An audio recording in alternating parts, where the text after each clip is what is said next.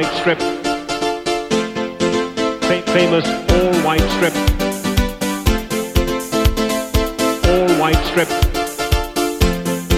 Fa famous all-white strip. We are leads, we are leads, we are leads.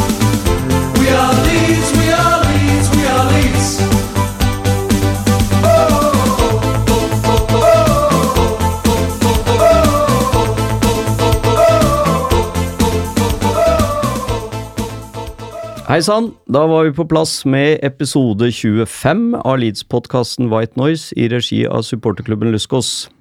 Og i dag har Andreas en eh, veldig opptatt kveld, så da stepper jeg Anders Palm inn som ordstyrer.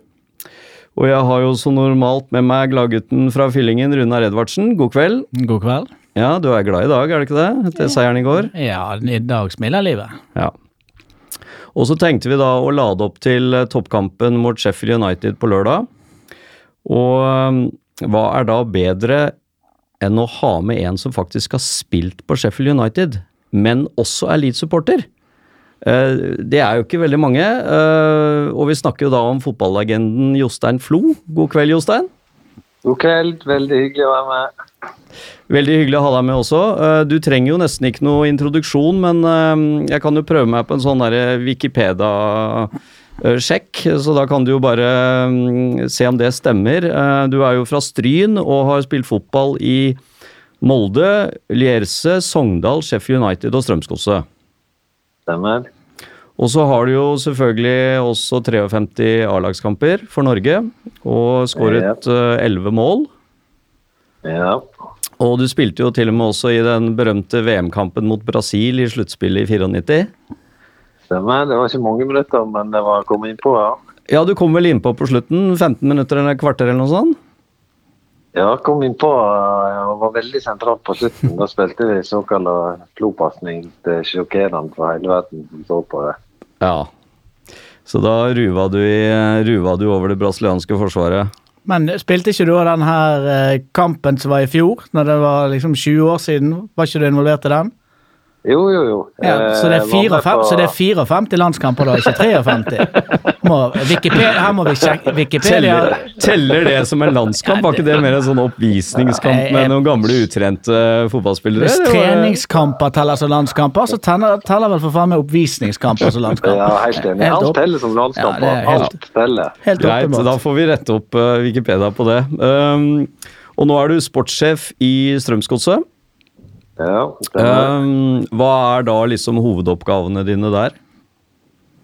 Eh, det er vel eh, alt på sport, for å si det sånn. Ansvaret for det. Eh, holder mest på med kontrakter, spillere eh, og trenere. Eh, akkurat nå overgangsvindu som stjeler mer og mer tid og fokus. Prøver å gjøre det så bra som mulig der. Ut ifra den kapitalen en har. Eh, og så er det blitt mer og mer overganger i fotballen hele tida. Så stor rotasjon i hvert vindu, og veldig involvert i de overgangene som er. Ja, uh, Har du spillerne igjen på pizza og diskuterer lønnsvilkår og sånn, eller? Aldri. Nei. Aldri. Ja, nei Ikke, for, he- ikke, ikke hjemme og ikke pizza, men eh, ja, for det går men, en sånn eh, populær, populær TV-serie nå, vet du. Jeg vet ikke om du har sett den? Ja, men, ja. Så, så der, eh, der så jeg at eh, han som eh, hadde, hadde laget hjemme på pizza, da, og det ble begynt å snakke om lønninger og sånn, det er det er vel ikke så åpent kanskje i Strømsgods hva lønningene til de forskjellige spillerne er, men, men det er vel en del av jobben det å få kontraktene på plass og, og bestemme lønnsnivå og sånt? ja, det er det jeg diskuterer med spillerne. og det, eh, det er jo en god lønnspolitikk i klubben og er tydelig på hvordan det skal være. Forhandler jo avtale hver eneste dag. Eh, av og til flere for dag, holdt jeg på å si. Diskusjoner om forlengelser og, og, kansellering av avtale, utlåneavtale. Og, og da er det viktig at en eh, det er viktig å være tydelig på en, på en lønnspolitikk og hvordan det skal systematiseres med lønningene. Det blir mye forhandlinger hver dag, for å si det sånn. Ja. Eh, Har du noe eh, å gjøre med Dag Vidar Kristoffersen, som er eh, i den NTG-miljøet i Drammen? Ja, han, han er lærer på idrettslinja, der vi har våre beste spillere fra 16 til 19 år. Så er han lærer der og har Gods Mjøndalen, de beste spillerne i fylket.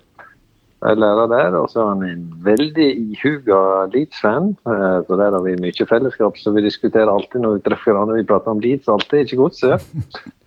Ja, han er jo flink til å ta med seg disse unge spillerne over til Leeds en gang i året òg, han.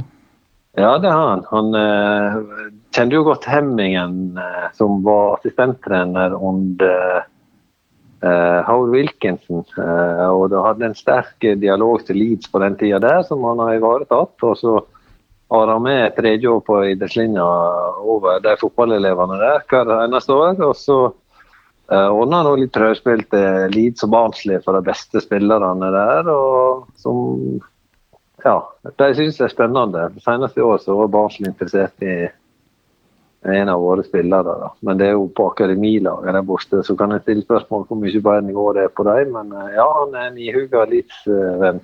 Ja, jeg har snakket med han, øh, og han har jo skrevet i, i bladet til, øh, til Luskos også, um, og fortalt om sin um, hvordan han ble Leeds-supporter også. Hvordan ble du uh, Leeds-supporter?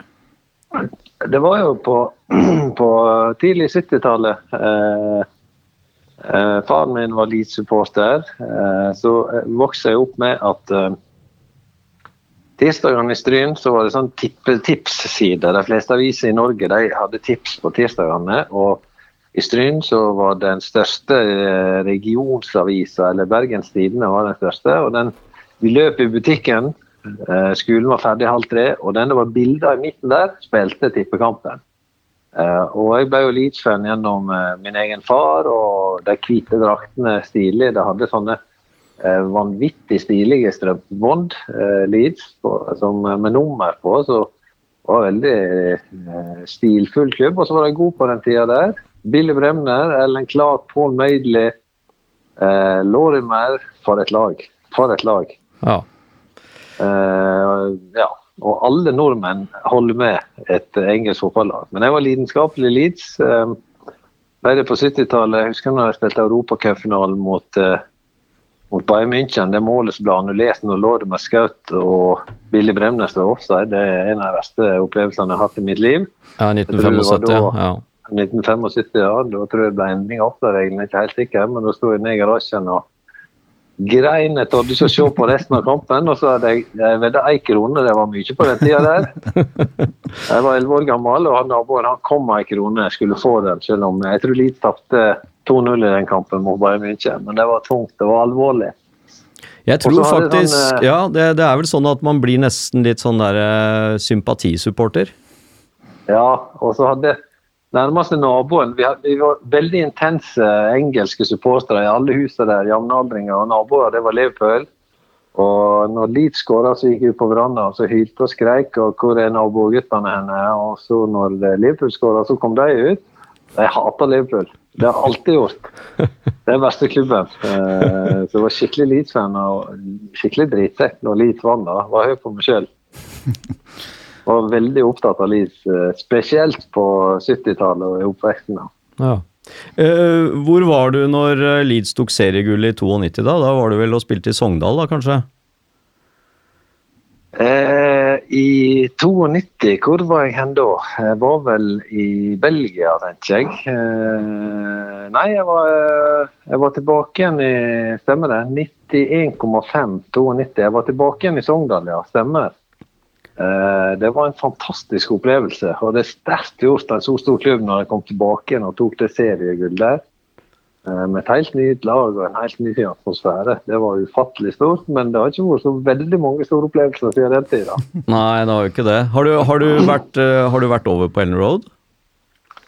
Jeg har vært masse på Ellen Road. Når jeg spilte i Sheffield United selv, så eh, var jeg opp til Leeds og så kamp eh, så ofte jeg kunne. Og da kjører jeg alltid alene. For Sheffield United og Leeds er rivaler. og Leeds har kjøpt Tony Curry. Eh, Brian Dean eh, gikk jo fra Sheffield United til Leeds. Jeg erstatta Brian Dean i Sheffield. Eh, de hater, Sheffield United hater jo eh, Leeds, som var det beste laget i området. der, Som kjøpte alle beste spillerne har gjort det historisk sett opp gjennom åra og vært storebror i midtegnene der. Og når jeg reiste opp til Leeds, måtte jeg alltid reise alene. Jeg hadde ikke med noen, for alle i og rundt meg var jo Sheffield United. Og så kunne jeg ikke Det, var ikke noe problem å få billetter på Ellen Road, eh, men jeg kunne ikke si hvem jeg var, så jeg måtte alltid trikse med billetter for å være anonym og sitte på anonyme plasser og capsen langt ned. Og jeg spilte i Premier League, så var litt grann kjent, eh, og ikke bra å bli observert så ofte på Ellen Road som jeg var da. Så du sneik deg til Leeds for å se på kamp? Ja, jeg gjorde det. Og, og en, jeg hadde en kompis oppe i Harrogate som jeg så fotball med, og han måtte alltid kjøpe billetter. Eh, på litt anonyme plasser på Ellen Road, sånn at vi ikke ble lagt merke til i det hele tatt. da. Ja. Utrolig opplevelse. og Så glad når Leeds vant. Altså, det var en episode en gang vi spilte mot Leeds, eh, og, og menneskene var grundig. Eh, eh, De beste var veldig grundig hvem jeg skulle spille mot på Leeds. og så Eh, nei, på motstanderlaget. da. Når vi spilte mot Leeds, så spilte vi mot uh, Weatherall og, og Chris Fairclough, mener jeg det var. Og så spurte han om jeg visste noe om dem, og så sa jeg hva de bodde og hva ungene het, og hva utdanning de hadde, og hvor gamle de var, og hva kona het, og alt mulig. Og da holdt han på å få sjokk. Og så eh, satt jeg på stolen min da, i garderoben med Peacock News, og det prøvde jeg ikke å vise andre at jeg hadde tatt med i garderoben. Så det var Det var Der visste jeg mye av når vi møtte. Og en annen episode, når vi spilte på Ellen Road, så gikk jeg inn i garderoben, eh, førstemann. Eh, så gikk jeg feil med vilje. Så kom jeg innerst i garderoben. Eh, og så helt inn i dusjen, bare for at nå skal jeg oppleve garderobene til Leeds eh, på Ellen Road. da. Eh, eh, så gikk jeg inn og så gikk jeg inn i dusjen, og når jeg kom inn i dusjen, så merka jeg at det kom to stykker inn i garderoben i andre enden. Og det er Howard Wilkinson og, og Henmingen. da. Og de setter seg langs med døra der, og jeg begynner å svette. Hvordan kommer jeg meg ut igjen her? Jeg har ikke noe å gjøre i motstandergarderoben, jeg. Og så gikk jeg full fart forbi der, da. og så sier Wilkinson hva faen er du på her inne, Flo? Du kan like godt sitte her. Han Dino skåra ikke mål i det hele tatt, det var tabbekjøp. Bli igjen her.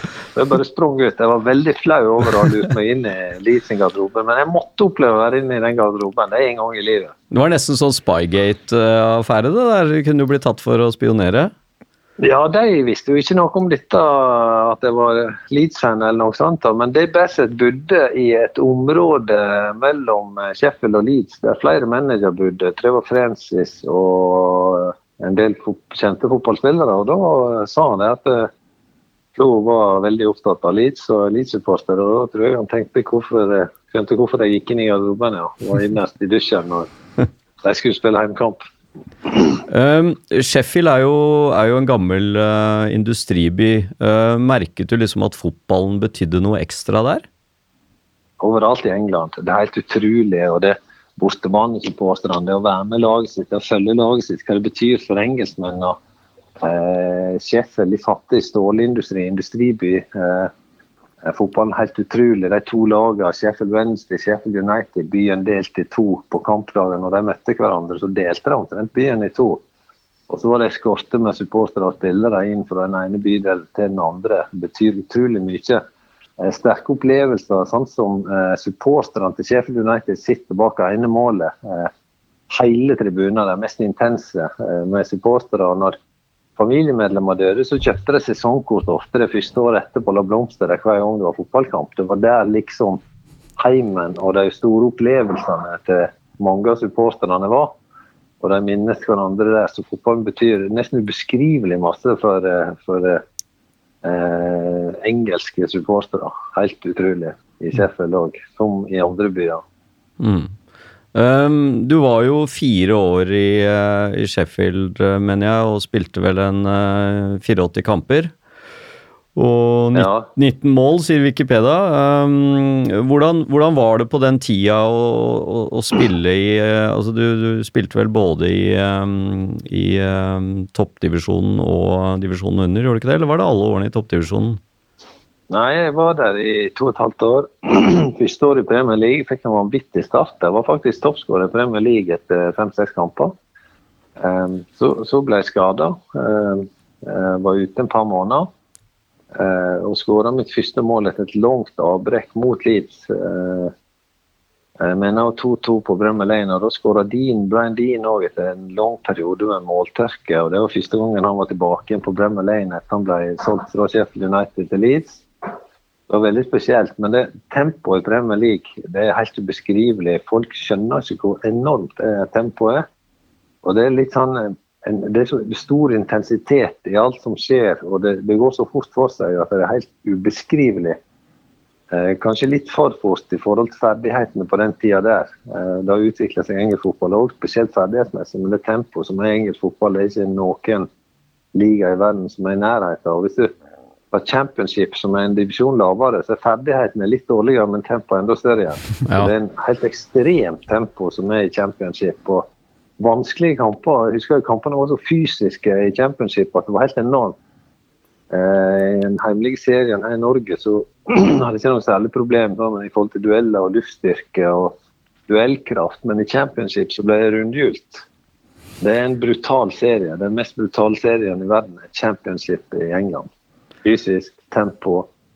eh, Men kvaliteten er ikke alltid like, eller ferdigheten er ikke alltid like stor som, eh, som det tempoet da. Nei, det er jo derfor det ofte blir litt feilpasninger og liksom en del sånn eh, dueller og kanskje mer dueller enn det det blir spill, da, ofte.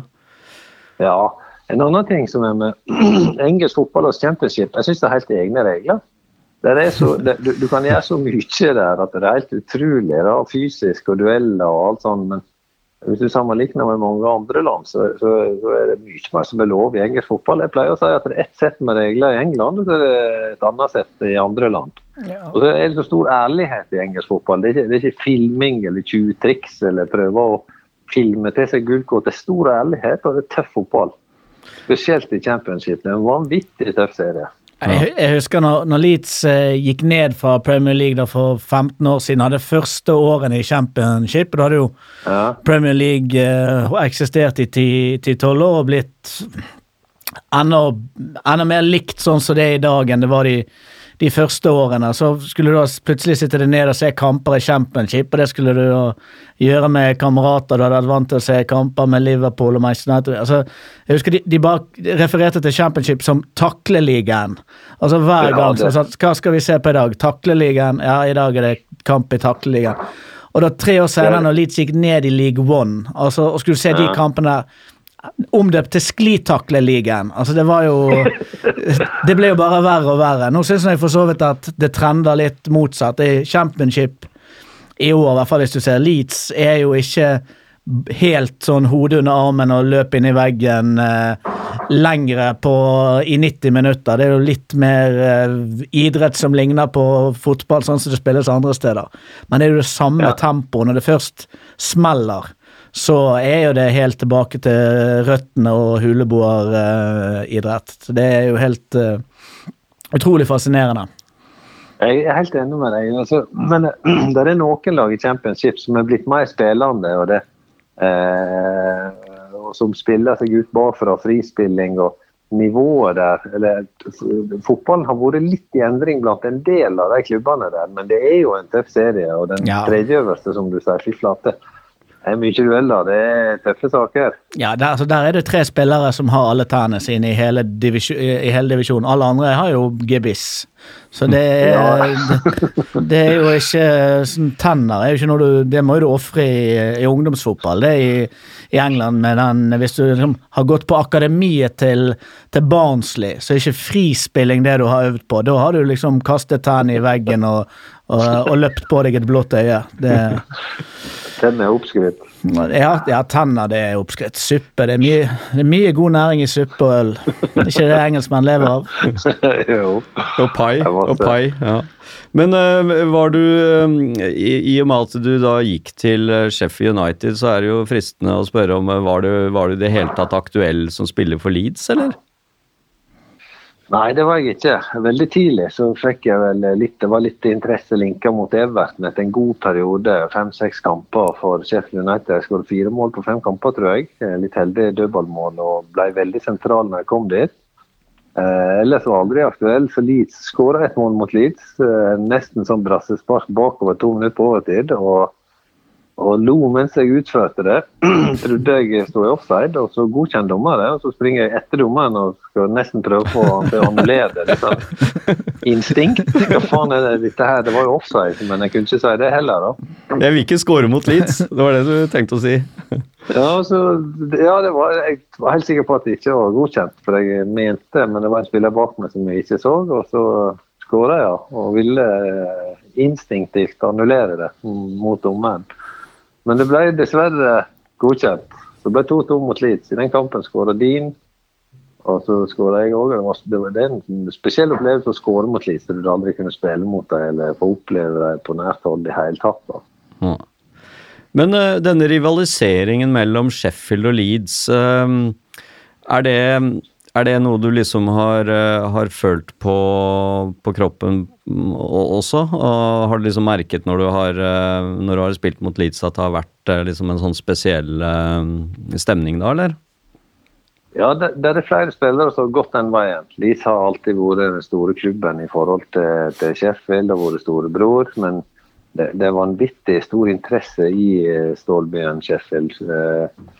Og det, det, det er bare et, et nag, en hat type Leeds og Manchester United, fordi at det er mange spillere som har gått fra Sheffield til de to klubbene. Det er en ganske sterk rivalisering, det. Å slå Leeds eh, er stort for eh, Sheffield United, men det er nok Leeds som er storebroren der og alltid har vært.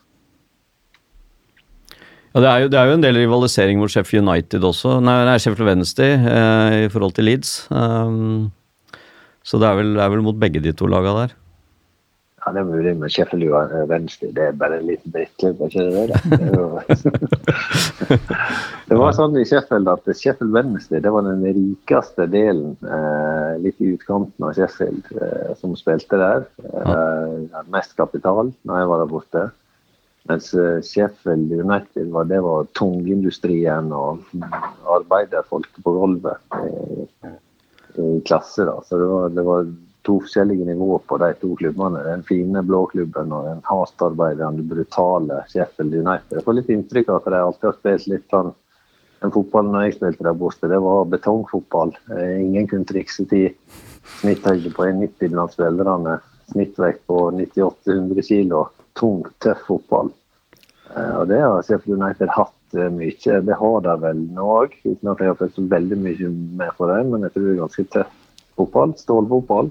Ja, det er ganske britisk eh, mentalitet. Det, er- høyt tempo, det er mye f eh, stor frekvens på, på beina. Det er ball i boks, men de er, de er jo hakket mer moderne enn en mange andre sammenlignbare klubber. De har jo en britisk trener, da. Ja da, og de har et helt britisk lag, så, så de har mye av den mentaliteten. Sant? Du så bare i går når de eh, får en utvist og likevel holder inn eh, Går fra 1-0 til, 2-0, ja. til 2-0.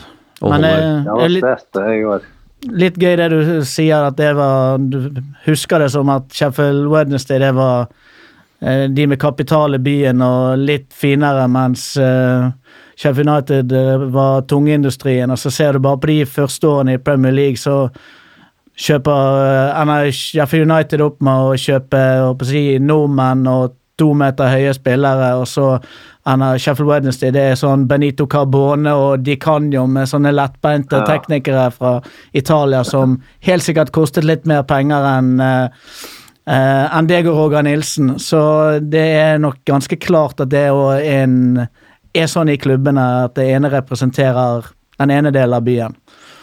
Ja, det er det. Og så husker jeg når vi var ute og spiste middag, spesielt etter kampene, så alle har fotballinteresse i, disse, i den byen der, eller byene i England. Og det, eh, enten så er du blå, eller så er du rød. Så hvis jeg gikk på en restaurant jeg ikke har vært på før, så bare tok jeg opp døra og så så jeg atmosfæren. Her kan jeg gå inn og slappe av, eller her blir jeg drept hvis jeg går inn. Og det er veldig sterk, eh, det er sterke meninger. Det er, en, det, er jo for meg å gå på en Sheffield Wednesday restaurant etter en kamp eller rundt en kamp, det var ikke så populært. Har du vært noe på, på Bramall Lane etter at du uh, dro derfra? Ja, jeg var borte der og så skulle jeg være anonym, og så ringte jeg til en og I England så ivaretar de så vanvittig alle som har vært i klubben. og står i programmet enda når en ordinær spiller som jeg har bursdag eller den type ting, da, eller Roger Nilsen eller noen av oss nordmenn som har vært der tidligere. Jeg følger dem. Jeg følger supporterne, følger meg på Facebook. og det, det, det er en gang klubben, så det er liksom sånn alltid-klubben. Det vet mm. historie til klubben, og det blir en familiebånd. Sheffield United har jo sitt ordtak var at det er family klubb. og det hadde sånn sosialt tiltak en gang i måneden med supportere og alle som ville på stadion. Der Der er det ofte opp igjen en par tusen mennesker. Middag og tilstelning og underholdning. Veldig samla, stor interesse. Og så kom jeg bort igjen der for fire-fem år siden og skulle bare se en kamp. Og da ble jeg henta tak i han arrangementssjefen og tatt ned i pausen. Full jubel. Og det hadde jeg aldri trodd at noen visste hvem jeg var. Men 13-14 år etterpå jeg spilte der. da. Så det, men det har ikke noe med at jeg er nok stor spiller der, det har bare med den engelske fotballen. Det, har du en gang vært i en klubb der, så husker supporterne alltid. og verdsetter det veldig. Det er stor kjærlighet til fotball. og Det å være med laget på bortekampene og laget først og alle supporterbussene som kjører på M-banen nordover eller sørover, og så kommer motstanderbussene 20-30 stykker, kjører i kolonne for en fotballinteresse, for et land, for en atmosfære, for en opplevelse. Ja. Nei, det er jo, det er jo fantastisk å ha, å ha, spilt i, en, eh, i, et sånt land, da, og spilt i England. Det er, jo ikke, er jo ikke så mange nordmenn som har spilt der, og, og på det øverste nivået. Så det er jo, det er jo en eh, artig sak å fortelle barnebarna, det der. Ja, det er det. Nå er sønnen min mest United-fan av en eller annen merkelig grunn. Jeg kan ikke skjønne hva som har gjort feil. på det. Oi, oi, oi. Ja. Det er helt uh, det er ille. Men du kan jo allikevel, du kan jo allikevel fortelle om tiden din i Sheffield, da. Ja, det kan jeg. det kan jeg. Og så, så, så følger vi på Leeds neste gang. Så hvis det er Leeds eller United på TV-en her i forhold til kanaler, så er det nedstemt. Da er det alder, og så er det antall kamper og landskamper og alt hellig inni der. Så da blir det lite United og mye Leeds. ja. Eh, Hvordan, eh, hvordan har du fulgt med Leeds eh, den sesongen her, da?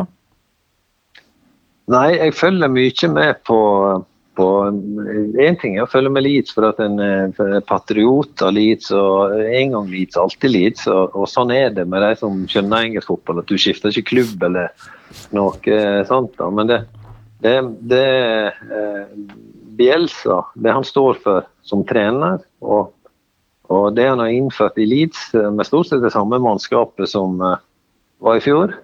Spilleprinsipper, treningsmetodikken, typen. Gærningen, geniet, da, har vært artig å følge.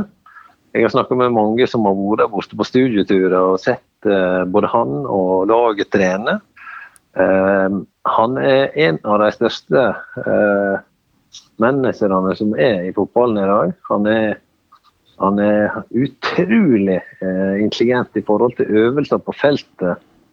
Kamprelatert og alt. Han, han er han er en meget, meget spesiell type som jeg syns er artig å følge. og Måten de spiller fotball på syns jeg er hyperinteressant. og Glad for hver dag Leeds klarer å beholde han. Men, men den suksessen han har i Leeds nå, måten han spiller på, eh, som er veldig moderne eh, i forhold til den utviklinga av fotballen med presset som han er i med å gjennomføre, systematikken, intensiteten og spillemåten, så jeg vil overraske meg lenge om Leeds klarer å holde han, men nå rykker de sannsynligvis opp med han. Eh, og Jeg håper han fortsetter så lenge som mulig, men han er gæren. og Jeg pusta tungt når han kalte inn til den pressekonferansen. Følger veldig med på hva er det han nå finner på. for han har sagt opp tidligere klubber sånn helt uten mål og mening, fordi at det har vært et eller annet som har provosert han, eller som han har reagert på, som ikke andre, andre skjønner hva det er. Eh, og Rundt den pressekonferansen så tror jeg dere pusta litt tungt i forkant, for ingen visste hva han kom til å finne på. Nei, jeg, jeg var også inne på tanken på at uh, nå kommer han til å trekke seg, liksom. ja. Og så var eh, hovedbudskapet at han hadde spionert bare på én kamp, han har spionert på alle kampene. Og så en eh, totimersleksjon om eh, Han analyserte Derby i fillebiter. Derby har vel ikke vunnet en kamp siden. Ja, og på oddsen mens han hadde den pressekonferansen, så skulle Derby spille om kvelden. Og det ble dårligere og dårligere og dårligere odds på Derby. Til slutt så var det null omtrent. Men ser du på, ser du på kampene på TV og sånn, eller? Ja, jeg ser de kampene jeg kan se. Eh, for å si det sånn, da. Men jeg, jeg ser jo mye fotball gjennom min egen jobb og ser mye spillere og den type fotball eh, som er jobbrelatert. Men jeg ser veldig mye av eh, Leeds, det gjør jeg. En tredjedel av kampene, vil jeg kanskje. Hva er, det, hva er du er mest imponert over da, denne sesongen her? Altså, du, du nevnte jo litt det der med at um, han har greid å ta en spillerstall uh, fra i fjor som endte på en, en, en 13.-plass, og, og plutselig så er det spillere som har uh, utviklet seg enormt. Er, det, er det spesielt det som du, er, du lar deg imponere av, eller? Ja, det er det. Det er mye Bjelsa. Eh, eh, spillergruppa, lojaliteten til han. Eh, det, han, han, han det, å si at han har gjort gull av gråstein, det er feil. Leeds var, god i fjor òg og hadde et bra mannskap, men han har fått mye mer ut av det. Eh, eh, og, det å bare forsterke én spiller, én posisjon i sommer, hovedsakelig Nei, i vinter, mener jeg, når han kunne få nesten hvem han ville, og Leeds i flyt med en gang og tjene mye penger. Lojalitet til den spillergruppa han har, det var litt sånn Hva i heiteste er det han tenker på? Nå har de sjansen til å rykke opp. Men veldig tydelig. eh, det var overraskende for min del, men eh, veldig sånn hjerteskjærende òg. Eh, veldig mye er imponert over de prinsippene, spilleprinsippene, måten de spiller på. Eh, ja, det, det er ikke noe sånn typisk engelsk fotball de spiller Leeds. Det er en veldig moderne fotball med en manager som, som uh, har tatt den klubben mange steg på veldig kort tid.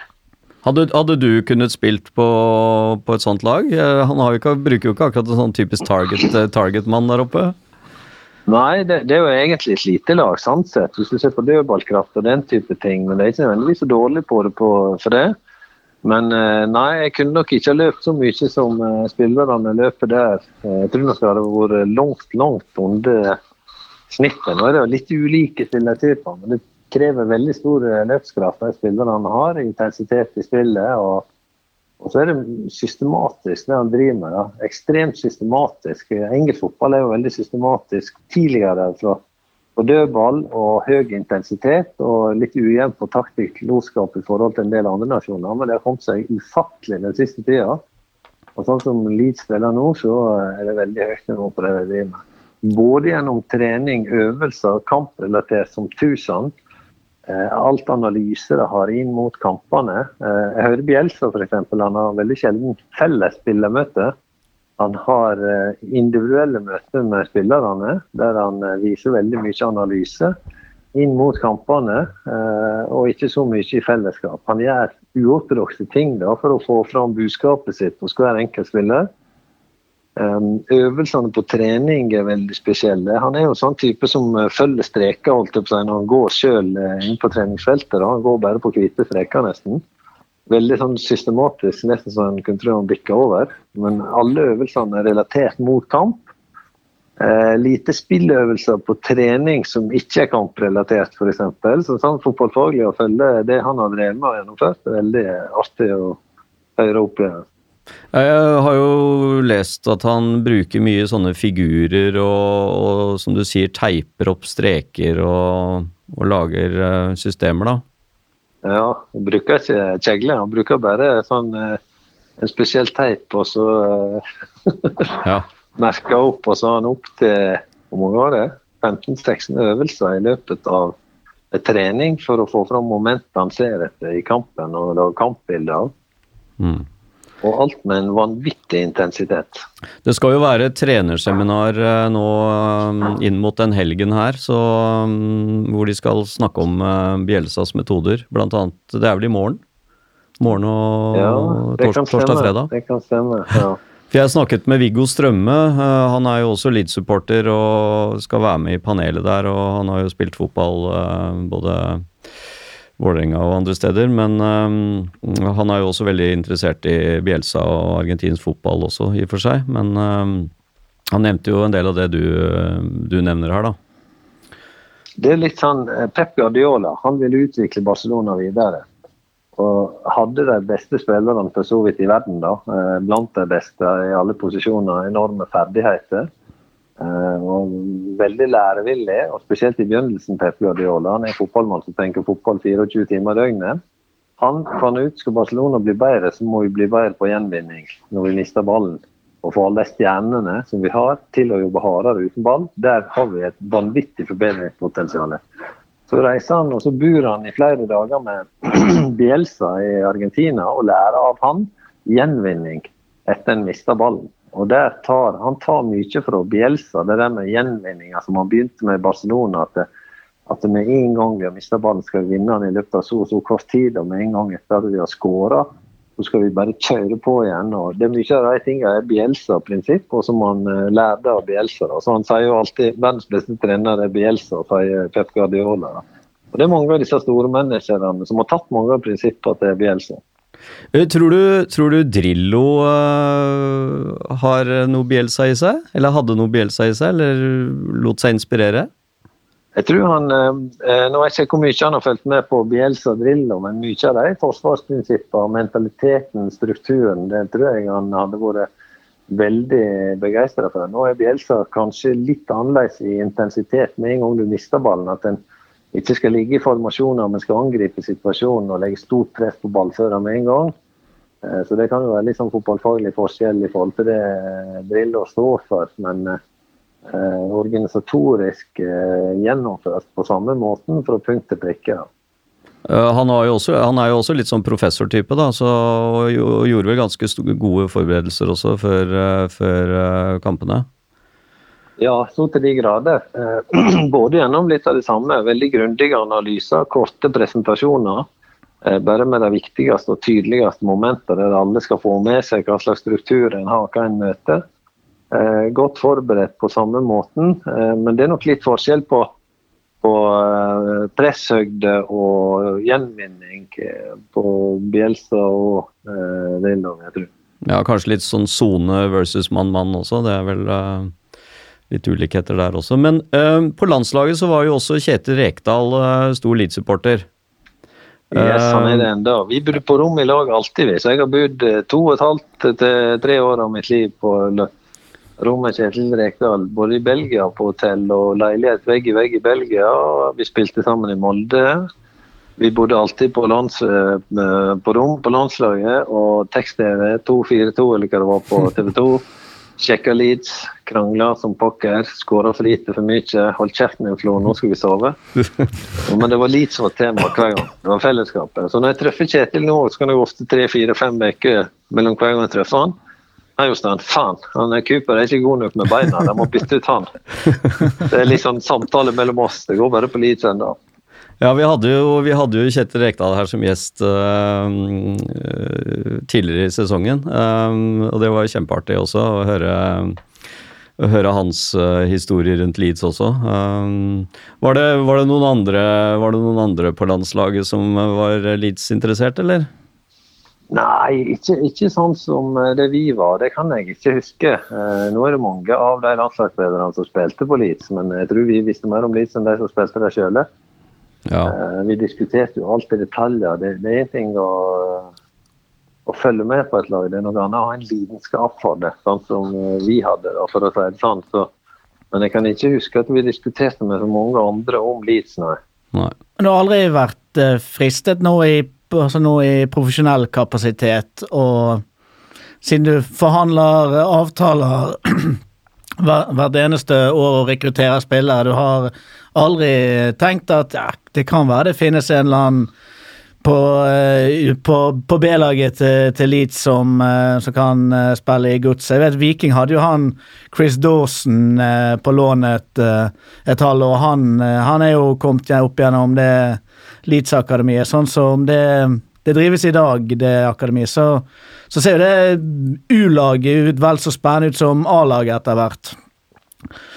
Ja, gjerne hatt, hatt Leeds-spillere sånn, da, men men eh, for å ta det Nå har jeg jo en bror eh, som Tor André som er i Chelsea, som har ansvar for utenlandsspillerne der. Og så har vi et samarbeid ja. i Strømsgodset med, med, Manchester City, eh, med de spillerne som kan lånes ut til godset der. Men det som er litt av utfordringa med engelsk fotball, det er at Leeds òg har høyt nivå på spillerne på akademiet sitt. og de beste spillerne der, de går ikke til Norge. Så Nei, Nei det, Norge vil jo være de rekken så- under de beste som, som vil Ja, kunne det, det, komme der. det, ligger, det ligger så langt nede på prioriteringslista Norge at uh, de spillerne som blir sendt til Norge, er definitivt ferdige i disse Ja. klubbene der. Eller uh, at de har et samarbeid med et akademi rundt om i verden. og så I Norge er det sånn at hvis du får proffkontrakt, så får du oppholdstillatelse med en gang. Men det er veldig få land i Europa du får, eh, får det. Så det skal veldig mye til, selv om en kjenner eller har bekjentskap eller whatever, og får tak i gode engelske fotballspillere. For at det, det er så stort søkelys på dem. Og de beste, eller de som er gode nok til noe annet, de går ikke til Norge. De vet knapt hva Norge er ennå. Ja, Men, andre, men andre veien er jo altså Jeg har jo snakket litt med, med mm, de på både akademi i Leeds og, og sånt, og de sier jo at uh, de er veldig interessert i skandinaviske spillere, da. Men, men, uh, men Leeds uh, er jo selvfølgelig De kan jo ikke helt stille i um, i divisjonen med disse Premier League-klubbene, så for Leeds så blir det jo om å gjøre å prøve å snappe noen litt tidlig, da, ikke sant? Ja, det, det er det jo. Men Leeds er jo flinke på spillersida. Jeg ser jo han sportslige lederen, jeg husker ikke han. Han er jo veldig aktiv. Orti, og ja, han Orta, er veldig aktiv på alle slags sånne overgangsgreier på uh, dataen, transferroom og forskjellige sånne ting. Han er, uh, han er veldig aktiv uh, sportslig leder, men, men det å få eh, det, det, det betyr jo mye. De største talentene i Norge de blir ofte tilknyttet hva skal jeg si, scouting-systemet til mange av disse store klubbene. Men det, det er mer navnet og størrelsen på klubb kontra at det er riktige valg av unge spillere. En av de største utfordringene vi har med de beste eh, 15-16-17-åringene, er at de får tilbud fra de store klubbene i England sine akademi. men om de får tilbud fra disse akademilagene, så er det ikke noen av managerne i disse klubbene som vet hvem de spillerne er. Og så eh, den Foreldre er jo liksom Wow, nå er det Liverpool som er ute etter sønnen min. Han må gå med en gang. Dette er det største han kan oppleve i livet. Men det er ikke nødvendigvis så høyt nivå på disse akademiene til disse store klubbene. Det er så stor forskjell på Asdalen og akademilagene under der. Um, at Ja, det er det er vel- et hinder. Ja, og så er det vel ganske mye spillere i de, på de, i de akademiene. Føles, altså, det, du snakket om din bror og det Chelsea-systemet der. De har jo en sånn 300-400 spillere, har jeg inntrykk av, bare på utlån hvert eneste år. Det er jo en egen sånn her eh, En egen greie. Så det å komme seg inn i, inn i akademi og være en av mange, trenger jo nødvendigvis ikke være veien til, eh, til suksess. Nei, det er, du er med i akademiet til Chelsea, hvor mange er det fra akademiet som har blitt Chelsea-spillere? To stykker de siste 15 åra, kanskje? Det er Ja, siste sånn, eh, 20. Ja, så- og det, det er litt sånn eh, Jeg snakker ofte med Tor André om spillere som han Chelsea kunne ha lånt ut. Hvem som helst til, til, til Godset eller til Norge sannsett hvis det hadde vært riktig for utviklingen. Eller klubben har ikke noe imot det, men nivået på de spillerne som blir sendt til Norge, er for dårlig. Eh, så, så hver gang Tore sier at eh, han spilleren her kan du få låne, men han er ikke god nok. Ja. Nei, da vil ikke vi låne han heller. Kjempeinnsalg. Ja. ja, men det er jo litt at, at det, det, de vil heller spille i lavere divisjoner i England.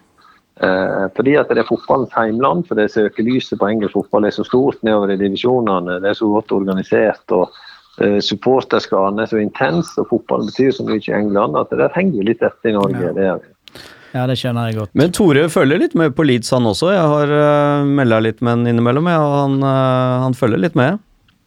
ja, han følger, følger med. Han har spilt på Leeds, men han, jeg visste noe mer om Leeds uh, når det, han spilte der enn han sjøl gjorde. Altså, og nesten så han kunne ringe til meg og spørre hva er det som skjer her. Snakker du noe med, med Gunnar Halle og Eirik Bakke og, og disse eks-Leeds-spillerne, Alf Inge Haaland? Ja, treffes av og til på samlinger og seanser. Erik Eirik Bakke eh, var jo veldig lenge Leeds og eh, kjenner Leeds ut og inn. Og mange kamerater igjen i det Leeds-systemet som han prater ofte med og diskuterer Leeds, ja. Mm. Hvis vi ser litt fram mot eh, den kampen på lørdag, eh, hvor jo da Leeds møter Sheffield eh, United hjemme. eh, hva, kan vi, hva kan vi vente oss uh, av den kampen, tror du, Jostein? Eh, Leeds har to heimekamper på rad nå. Eh, Ca. ti kamper igjen nå, ikke det? Ni, Og, ni ja. ja. eh, Niende, ja. Det er en veldig viktig fase. og Sheffield United, Det er tre lag som kjemper. Leeds, Sheffield United og Norwich som kjemper om de to opprykksplassene. Eh, skal noen lag utenfor det blande seg inn, så må en av de lagene tape ekstremt masse. Det tror jeg ikke de gjør, for det har fin flyt alle tre nå. Norwich spiller vel i dag og kommer sikkert til å vinne. Og den kampen, eh, Leeds Sheffield United, den er det ingen som vil tape. Vinner Leeds han, så er de for så vidt i ferd med å riste seg Sheffield United. Og Sheffield United kan ikke bare spille uavgjort eller eh, De kan i hvert fall ikke tape den kampen. Så det er en kamp som begge lag sannsynligvis vil prøve å vinne. Og så vet Sheffield United òg at Leeds har en ny heimekamp etterpå som de sannsynligvis vinner. Eh, så de kommer nok eh, vel råd for å prestere. Og Mm. Leeds det snur seg tilbake. De kjører på hele tida. Det er det de kan, da. Mm. Så Det tror jeg blir en god kamp. og Jeg syns Leeds har veldig fin flyt nå. Så jeg er veldig positiv inn mot den eh, kampen der. og så ser jeg at Sheffield United, selv om de spilte med ti mann, var litt grann heldig. Har en vanvittig goalgetter og får mye mål ut av de situasjonene de har. Men jeg må innrømme at jeg har stor tro på Leeds, ja. Hva tror du, Runar? Nei, jeg er dritnervøs. Helsike. Jeg så Pontus hadde lagt ut en melding her. Han ønsket at fansen skulle komme en time før og begynne syngingen allerede under oppvarmingen. Altså Da har du, legger du opp til en sånn finaleatmosfære at jeg er jo eh, Jeg kjenner at eh, Det kan bli en sånn Norwich-greie igjen? Ja, fallhøyden blir jo, blir jo stor, men det er jo enig som Jostein sier. Hvis du vinner, hvis du går på den kampen for å vinne den og lykkes i det, så har du skapt deg en liten luke.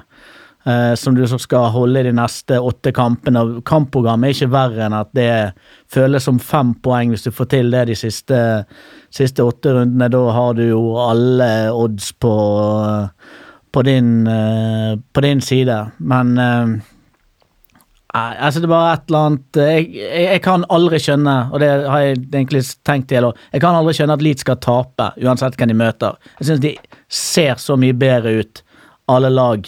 Hvis jeg ser en Leeds-kamp og så tenker jeg de skal møte et annet lag etterpå, så bare Det laget kan jo ikke være bedre enn det Leeds-laget. Men vi har jo liksom dummet oss ut mot QPR og Blackburn og alt annet mulig drit, så det er jo fullstendig mulig å, å dumme seg ut, men jeg skjønner at ikke Leeds skal være det beste laget i de, i de 90 minuttene mot Sheffield United. Så jeg er, to, jeg er pessimist av natur, men jeg kan ikke helt forstå sånn fotballmessig at det skal være mulig å ikke få dette her til. Nei, det blir, eh, det blir en spennende, spennende kamp, og så er det, er det en landslagspause, så da får vi se om vi kan greie å få tak i Pontus Jansson og få en liten prat med han. Han kommer jo til eh, Norge for å spille mot, uh, eh, mot Norge. Um, og så er det jo, eh, som du sier, en hjemmekamp til. Det er vel Millwall som vi da har. Ja. Så, um, og så er det um, slag i slag eh, mot den eh, siste hjemmekampen mot Aston Villa i slutten av april, og, og den siste bortekampen da mot Ipswich. Så det blir, eh, ja, det blir en spennende innspurt, og, og vi håper jo selvfølgelig alle at, at dette skal gå veien, da, men det er, det er veldig tett oppi der nå. Altså det er blant de tre, og det er Vi får håpe Norwich sklir i kveld mot Hull, men Om syv, syv uker så vet du, vet du om alt, alt, alt denne her nerven var verdt det, eller om dette var bare tidenes jævla luremus. Ja, for blir det playoff, så er det jo Ja, det er jo et, øh, et øh, sjansespill. Det, um, Det, det er jo, jeg, tror, jeg tror det blir avgjort nå de neste to-tre kampene. For det er tre lagene vi snakker om her nå. Norwich, og Sheffield United og Leeds. Det er de tre beste lagene i divisjonen. Og det har en vanvittig flyt. Og eh, Leeds nå er det hjemme mot Sheffield United og så er det hjemme mot Millwall. Det er nå Leeds kan gjøre det. Med to seire nå så kan ikke jeg skjønne hvem det er som kan eh, få Leeds av kursen til at eh, de som etter mitt skjønn det beste laget i divisjonen, skal tape så mye terreng eh, resten. Nei, dette her går bra, folkens. ja, Vi stoler på deg, Jostein, og så var det veldig hyggelig at du, du var med oss. Uh, tusen takk for det. At du satte av en, uh, en onsdag kveld i, uh, i marsmørket. Ja, veldig hyggelig. Nå skal vi heise Høllflagget, og så skal vi se hvor det går. Ja. Det er veldig bra, Jostein. Så får vi, um, får vi holde kontakten, og så kan det hende vi ringer deg en gang igjen og, så, um, og slår av en prat. Jeg er med og feirer opprykket, jeg òg, når det kommer. Ja, Kjempebra. Takk skal du ha. Tenker, hei da. Ja, det var jo morsomt, eh, Runar. Ja, det var vel helt ok. Ja, nei, det var veldig greit. Han sneik seg til Leeds for å se på kamper, men som Sheffield United-spiller, det syns jeg var uh... Ja, det er jo helt eh, uhørt. Det er jo knapp, Kan jo ikke ha vært akseptabel atferd i den garderoben der. Nei, det eh, Så det var ubetalelig. Ja, nei, det var artig. Um, ja, Ja. skal vi snakke litt grann om eh, om noen andre ting enn det som er direkte med fotball. Vi har jo eh, et nytt eh, medlemsblad i trykken i disse dager, så det kan dere jo glede dere til å få i løpet av neste uke, tenker jeg. Og så um, må vi jo nevne supportercupen igjen, da, som går av stabelen i Oslo lørdag 1.6. ja. Hvor du er uh, sportslig, uh, sportslig leder Sport, jeg er eh, Jostein Flo, den uh, jeg er sportsleder. Jeg er daglig i kontraktsforhandlinger om å sy sammen den troppen. Eh, og nå har du vel fått Nå har vi vel booket flybilletten til Ben Parker. Ja, nei, jeg skal gjøre det nå. Okay, ja, da- Eh, så jeg har ikke- bare ventet på den der eh, Ventet på den avklaringen fra LUTV, men den har ikke kommet, så det, um, da booker vi bare de, og så, og så blir det han og kompisen som kommer. Ja. Så da har vi jo hentet forsterkninger fra England. Så når, når Jostein Flo sier at det er vanskelig å få forsterkninger fra England til Norge, så er det kun fordi at ikke har tenkt på Ben Parker. Ja, spørsmålet er om vi burde spurt eh, Jostein Flo og Kjetil Rekdal om de kunne være med å spille? Skal, hvis du skal ha et sånt eldrelag, så er det greit, det, men da må du melde på et lag til. Ja, ja de, er jo, de går jo i seniorklassen, så um, 50 pluss. Men um, Kan ta litt lange innkast mot Jostein Flo, det er på syverbanen. Det, det går faktisk på Nordre Åsen. Ja, det kan hende det går, altså. Um, og så dagen etter um, Dagen etter supportcupen så er det også årsmøte i Luskos. Um, som vi da pleier uh, å ha på dagen etter, uh, søndag.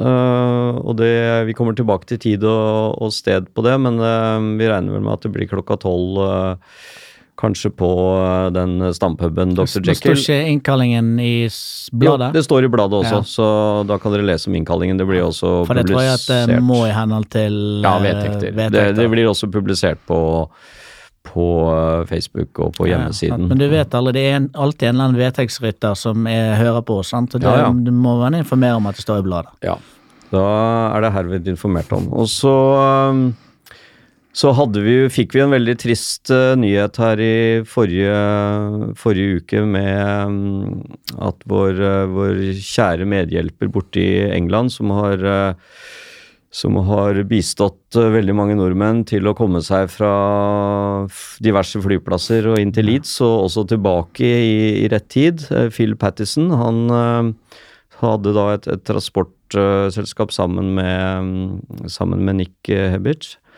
Og de, eh, de har hjulpet veldig mange nordmenn. Dessverre så, eh, så har eh, Phil eh, da mm, falt fra, og, mm, og vi, eh, vi følger jo veldig med.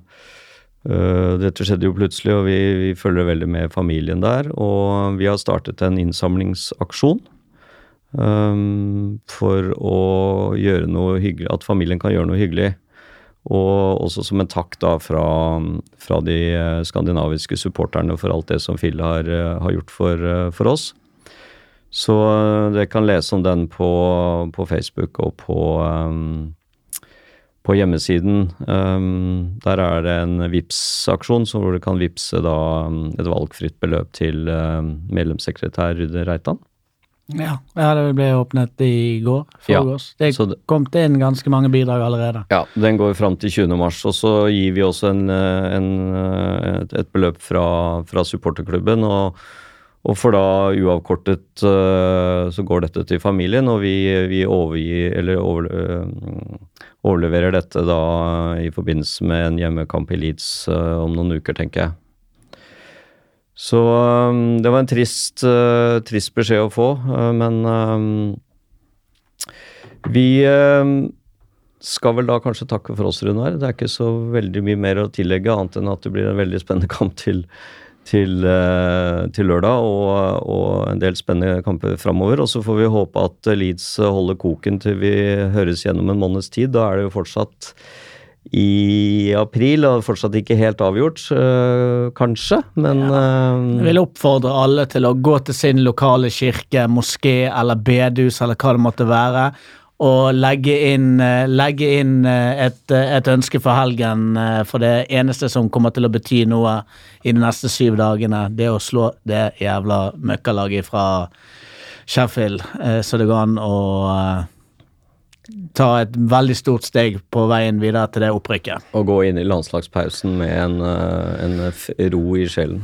Eh, Åh, det hadde vært deilig. Ro i sjelen, kan ikke huske sist jeg hadde. Nei.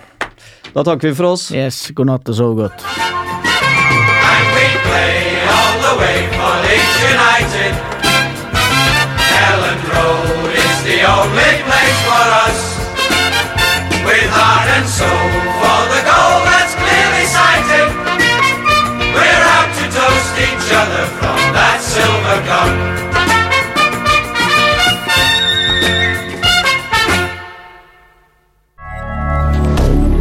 Moderne media.